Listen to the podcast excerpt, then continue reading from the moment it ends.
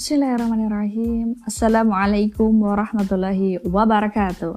Alhamdulillahirrahmanirrahim. Kembali jumpa dengan saya Ukhtian di channel podcast kali ini.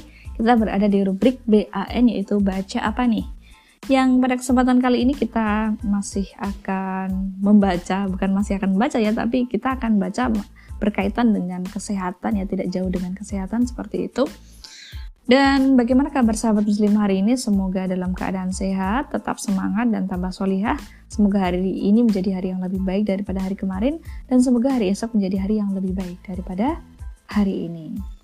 Baik, langsung saja mari kita baca. Ini kita ambil tulisannya dari Instagram Pandemil Talk yang ditulis oleh R.A. Adaninggar dan Mutiara Anissa. Perihal apa? Fakta-fakta konsumsi vitamin C untuk COVID-19.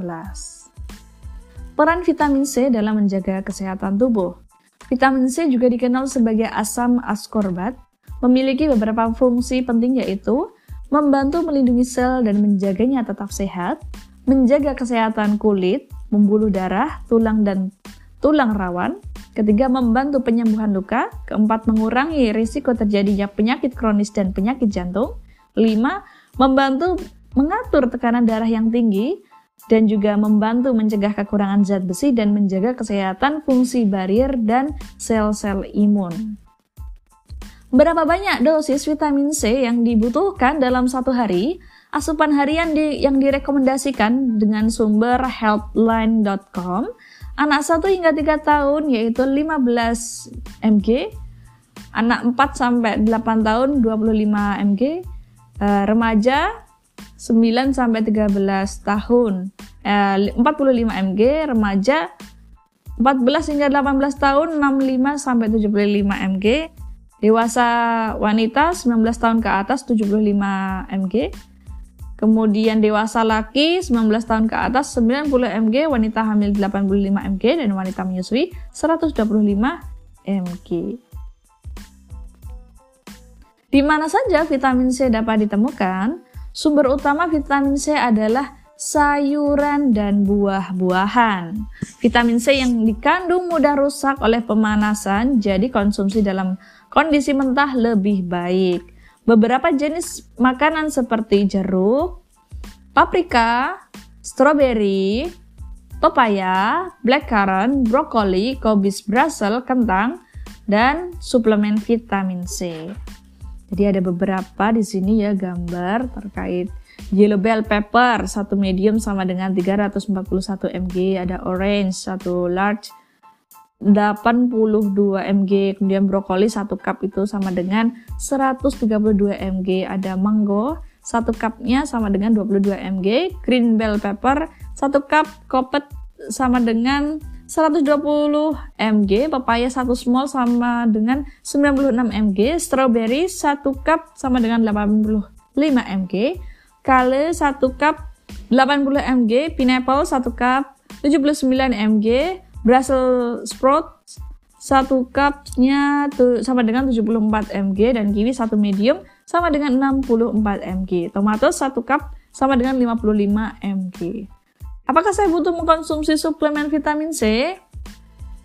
Vitamin C tidak bisa diproduksi di dalam tubuh, jadi harus dipenuhi kebutuhannya dari makanan.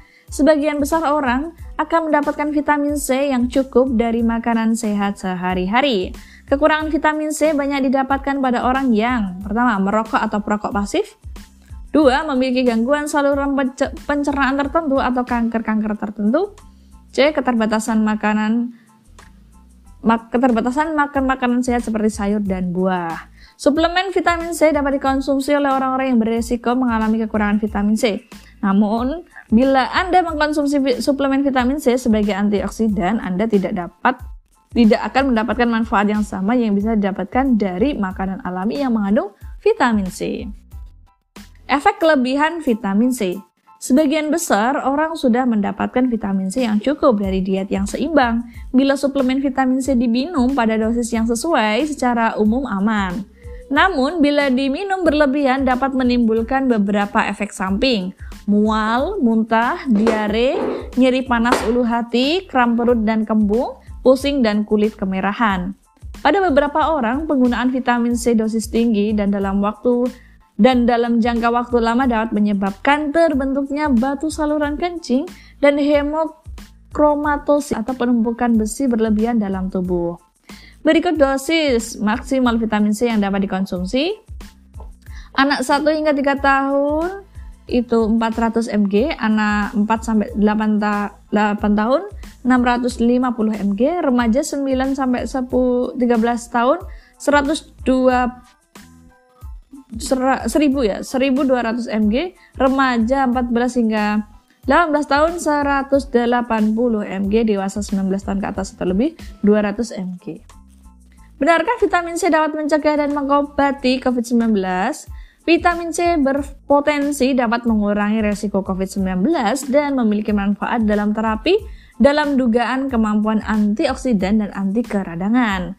Namun, sampai saat ini bukti ilmiah yang ada belum bisa menolak ataupun merekomendasikan vitamin C untuk mencegah atau mengobati COVID-19 karena hasil uji klinis yang ada belum konsisten.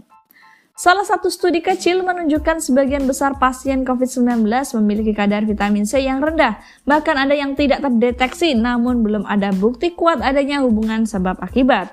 Beberapa studi menunjukkan manfaat vitamin C pada pasien COVID dapat dalam mempercepat proses penyembuhan, memodulasi sitokin inflamasi, dan menurunkan resiko kerusakan organ.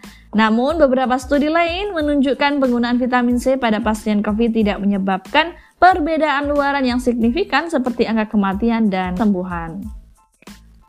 Berdasarkan pedoman tata laksana COVID-19 di Indonesia, suplemen vitamin C dapat diberikan pada pasien COVID, tablet vitamin C non-asidik 500 mg tiap 6 sampai 8 jam selama 14 hari. Tablet, tablet hisap vitamin C 500 mg tiap 12 jam selama 30 hari. Multivitamin yang mengandung vitamin C 1 hingga 2 tablet per hari selama 30 hari. Pemberian vitamin C dalam bentuk suntikan atau infus juga boleh diberikan pada pasien COVID yang rawat inap. Penggunaan vitamin C dosis tinggi untuk pencegahan atau pengobatan COVID-19 belum ada bukti ilmiah yang konsisten sehingga belum direkomendasikan. Cara terbaik mengoptimalkan daya tahan tubuh adalah dengan gaya hidup bersih dan sehat. Konsumsilah berbagai jenis makanan agar bisa memberikan nutrisi yang berbeda, sehingga gizi yang diperlukan oleh tubuh bisa terpenuhi. Gaya hidup sehat juga harus dilakukan bersama dengan protokol kesehatan 5M untuk mengoptimalkan perlindungan terhadap infeksi COVID-19. Baik sahabat muslimah semua, semoga informasi perihal vitamin C ini bermanfaat.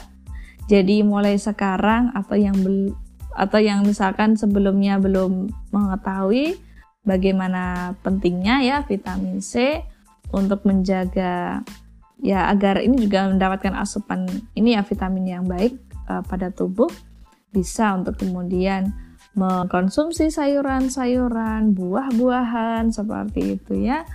Dan selain daripada itu juga bisa untuk tetap tadi menerapkan protokol kesehatan. Jangan bosan ya di tengah kondisi pandemi sekarang yang memang kita tidak tahu sampai kapan berakhirnya.